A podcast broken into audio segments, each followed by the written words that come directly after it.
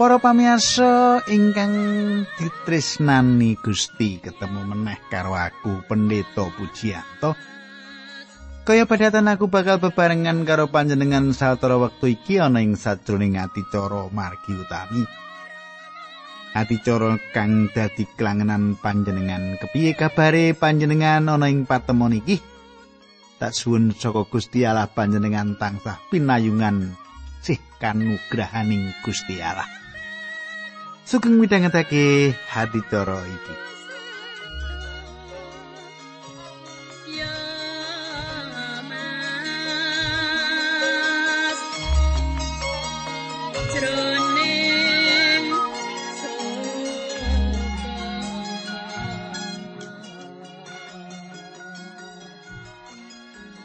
Para pamirsa tak jaluk panjenengan isih kelingan apa-apa sing ndak wedharake nalika patemon kita kepungkur.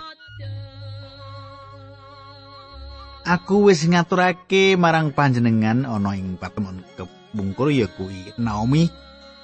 Budidaya kepiye wae supaya Ruth bisa mbangun bebrayan karo Boas. Naomi, budidaya kepiye supaya Ruth iku dadi jodone si Boas. Kadangku sak teruse bakal kita semak ing patemon kita iki lan saiki ayo kita padha ndedonga dhisik nyuwun tuntunane Gusti. Duh Kanjeng Rama ingkang ada dampar wonten kraton ing kasuwargan, kawula ngaturaken gunging panuwun. Menawi wekdal menika kawula saged tetunggilan kalian sedherek-sedherek kawula ingkang setya tuhu midhangetaken ati cara menika. Kawula nyuwun berkah saking Paduka Gusti lan kawula nyuwun tuntunanipun Paduka kanthi makaten pangandikan ingkang kawula semak saged ndadosaken bejaning gesang kawula. Linambaran asmanipun Gusti kawula Yesus Kristus kawula ndedonga haleluya amin.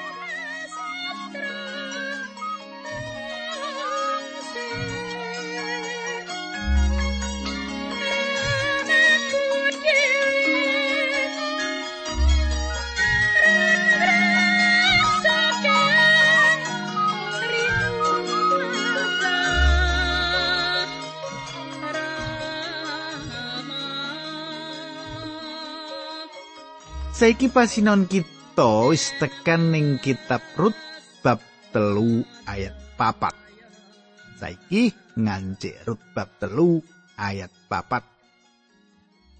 Mengkene surasane titenono panggonane turu yen buas wis turu paranono kemule sikil bukaan banjur turu ing sacedhake sikile. Mengko kowe bakal ndak kandhani apa sing perlu kok lakoni. Kadangku patrap mengkono iku sawijining langkah kang penting banget kanggo panjenengan lan aku. Patrap kang kaya ditindakke rutiku patrap kang ditindakke saben wong dosa.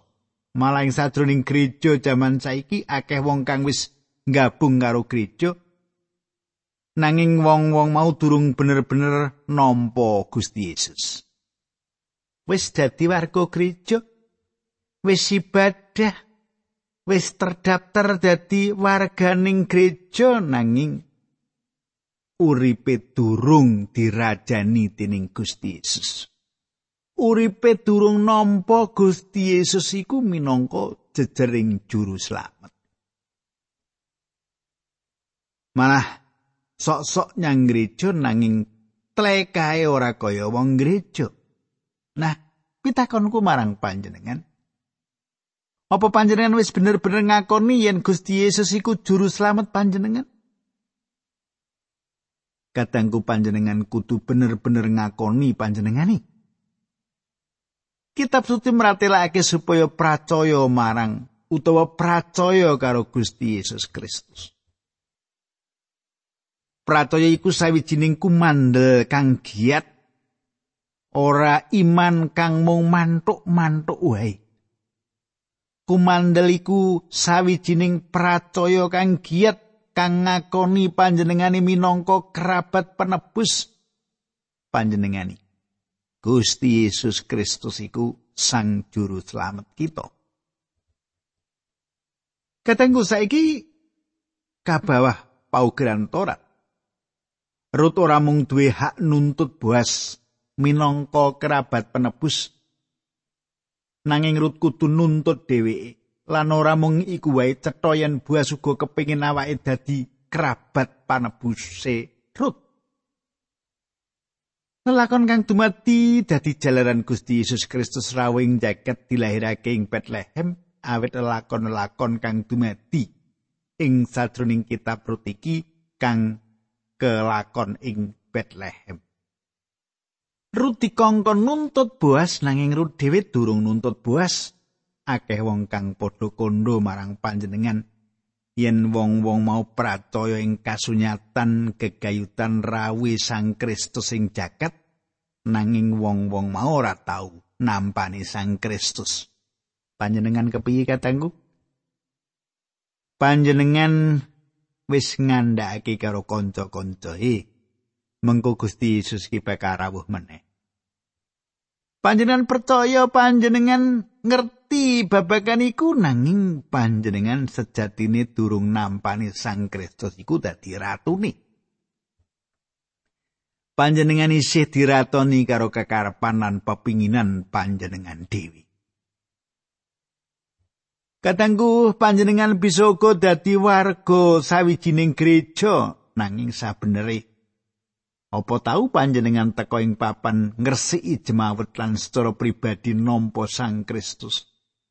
Ngakoni panjenengan minangka Sang Juru Slamet panjenengan kang nebus dosa panjenengan. Nalika panjenengan kumandel karo panjenengane panjenengan bakal ngerti kepiye rasane pindah saka pepeteng tumuju pepadang Saya kita terus ki ayat 5 lan 6 bab telu saka kitab Rut.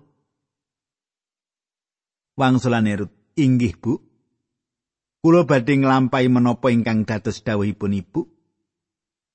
Rut banjur mangkat menyang panggonane wong-wong sing padha ngiles jemawut ana ing kono Rut nindakake welingi ibune mara tuwa. Katenggu panjenengan semak pangandikane Gusti. Ora ana kang pantes ditakokake gegayutan prakara kang dijaluk Naomi yaiku supaya ditindakake. Kanggo miwiti Naomi ora bakal njaluk supaya nindakake saupama kang ditindakake kuwi ora pantes ditindakake. Panjenengan semak, Rut kudu nuntut Boas minangka kerabat panebuse. Iku sawijining prakara papan ngresiki jemaut yaiku sawijining papan umum.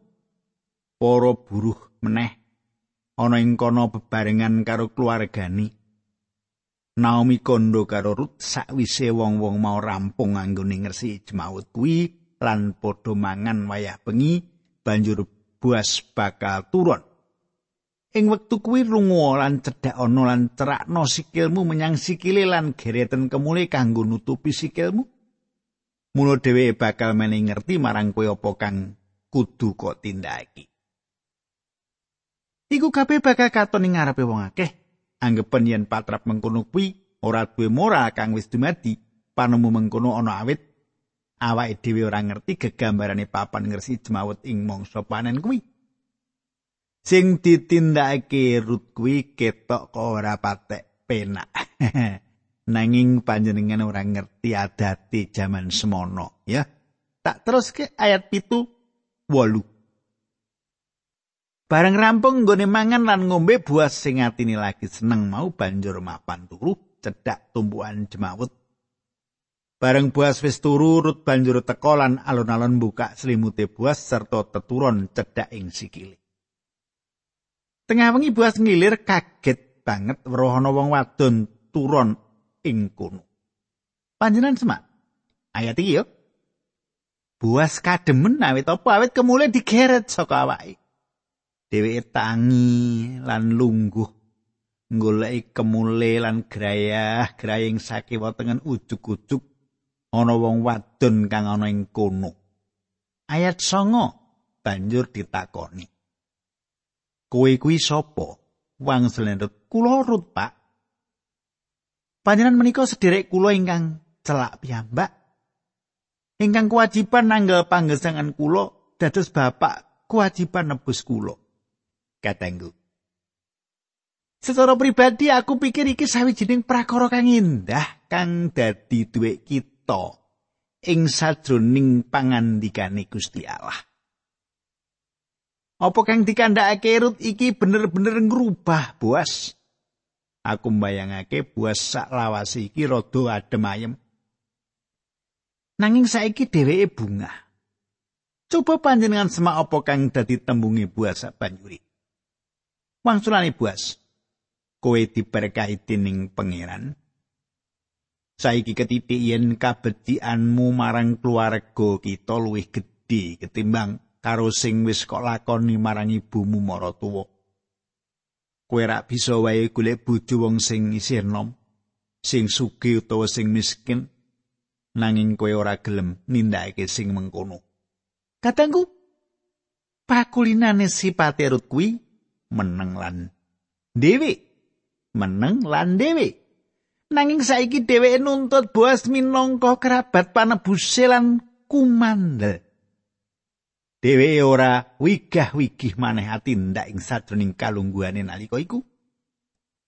Lan Rut nindakake kanthi cara kang luwes lan indah banget. Rut bisa wae nggawa Boas menyang pengadilan.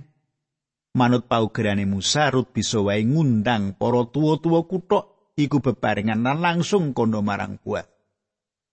Aku nuntut kowe minangka kerabat penebusku. Lan iku bakal dadi masalah hukum. Nanging Naomi menehi pitutur kanthi cara kang siji. Kaya mengkono urut lunga menyang papan ngersi jemawut lan kanthi cara kang kalem lan lugu dheweke menehi ngerti buas yen dheweke ngarepake buas dadi kerabat panebusi. Buas langsung kepingin dadekake rut dadi somai awet iku kang salawase iki dhewe kepingin krungu ing kuping. Wong iki bener-bener langsung tumindak awet dalane wis cetha lan dheweke bebas tumindak rut wis nuntut marang dhewe. Kadangku matur nuwun marang Gusti Allah, kita duwe priyayi kang dadi juru slamet lan gegayutan kita marang panjenengane kaya dene sawijining carita katresnan. panjenengane tresnani kita lan panjenengane masrahake sarirani kanggo kita supaya panjenengane bisa nebus kita. Tenan, sawijining pengalaman kang indah lan nyenengake mangerteni yen kita duwe sang juru slamet kang riyolo mati kanggo kita, kang tresnani kita lan urip kanggo kita saiki. Saiki panjenengan gateke apa kang dadi tembunge buas. Coba panjenengan semak ayat 11. Mulane aja semelang, Rut. Panjalukmu bakal ndak laksanani sakutha kene kabeh wis padha ngerti yen kowe kuwi wong becik. Kadangku aku kepingin panjenengan nyatet sebarang penggawe becik kang ditindakake wong wadon monco iki kang kebawah kanan umum bakal dadi wong kang kabuang ing Bethlehem. Wong kang kabuang awit paugerane Musa nampik anane wong Moab.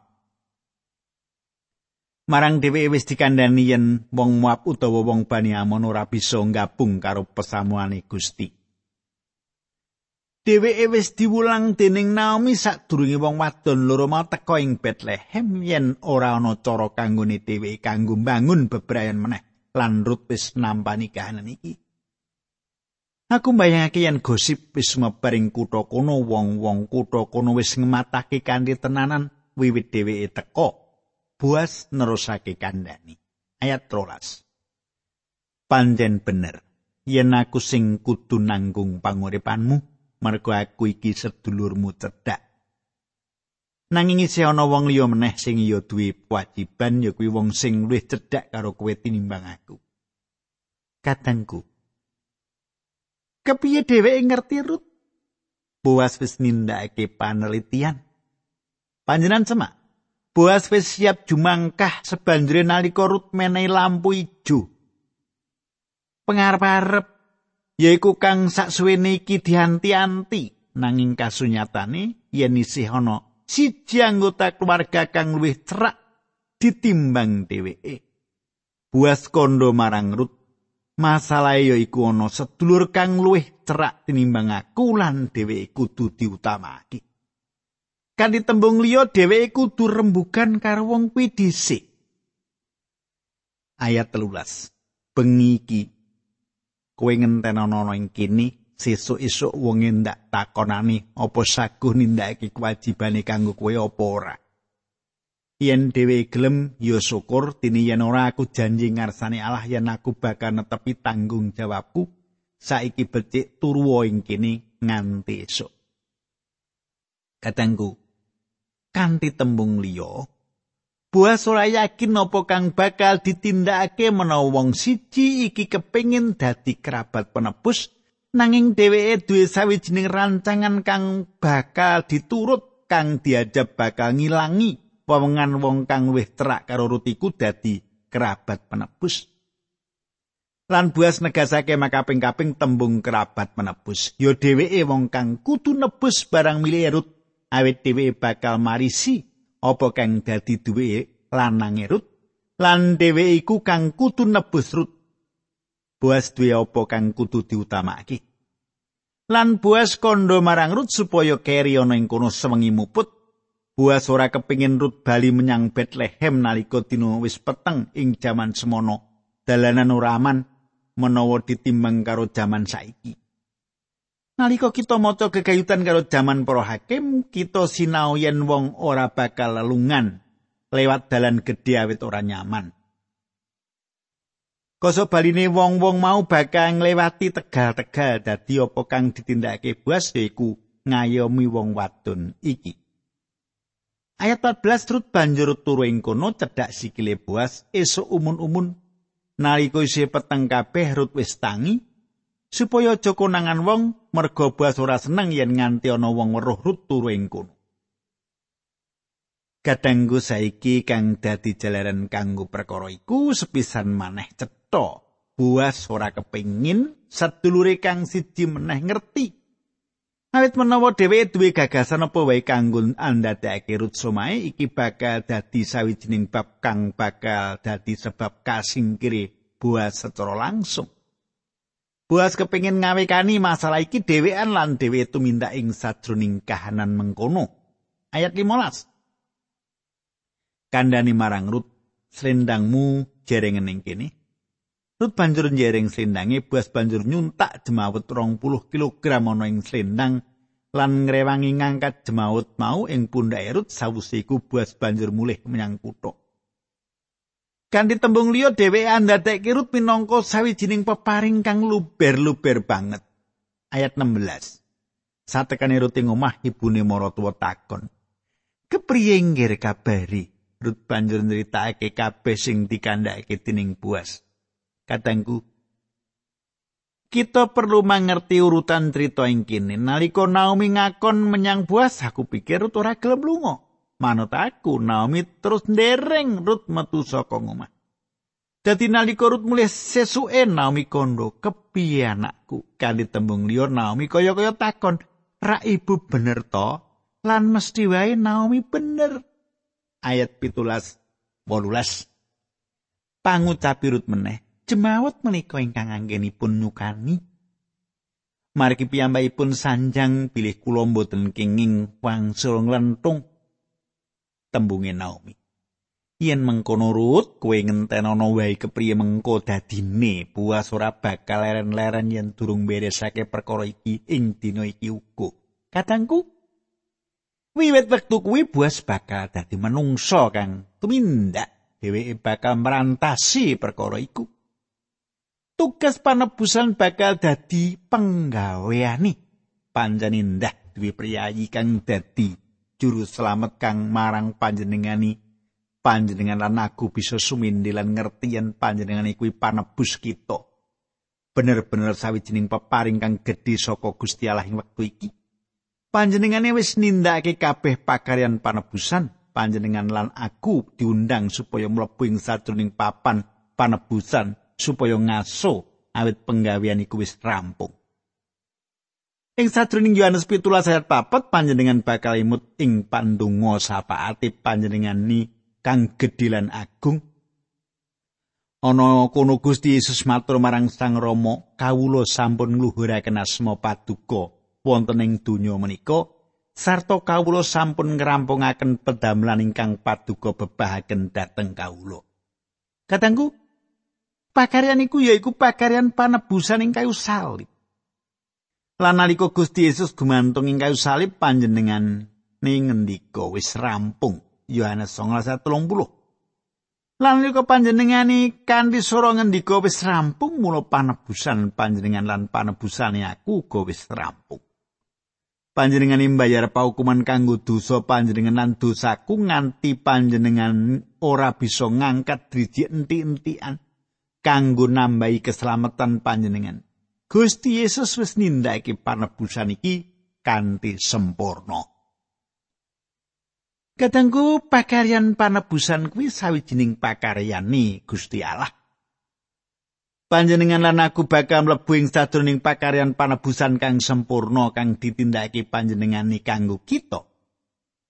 Lan ana sawijining rasa tentrem kang ngidapi-dapi kang mlebu ing sadroning ati kang nyatakake yen kita bakal percaya marang panjenengani.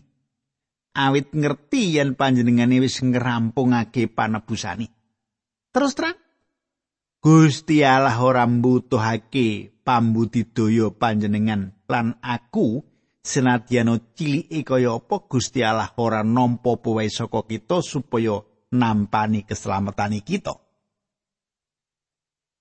Panjenengan lan aku ora duwe apa-apa kang pantes dipisungsungake.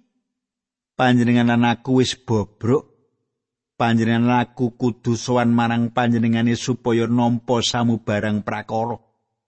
aku paham yen iku sawijining patrap ngremehake salib kang dirembuk Paulus marang pesamuan Galatia awit ana akeh wong ing jaman saiki kang seneng rembuk sipate awake dhewe wong-wong mau keluargani utawa kaanggotaani gerejani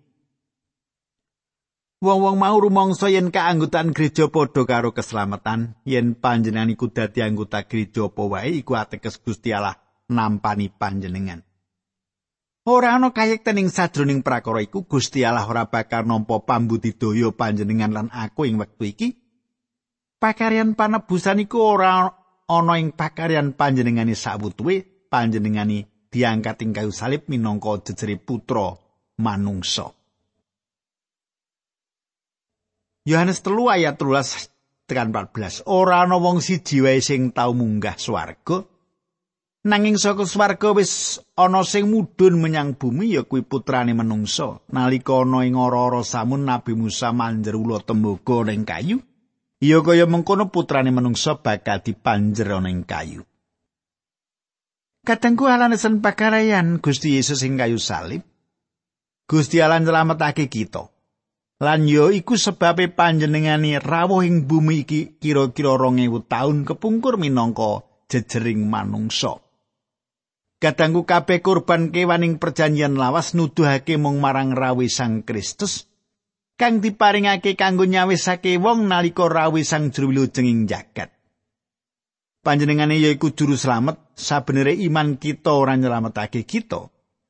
Nanging Sang Kristus wae kang nyelametake kita. Spergon ngendika, Rak ceklan panjenengane ing Sang Kristus kang nyelametake panjenengan, Sang Kristus iku dudu iman panjenengan marang Sang Kristus. Senajan iku saranane kang nyelametake yaku rahlan apa kang ditindakake Sang Kristus.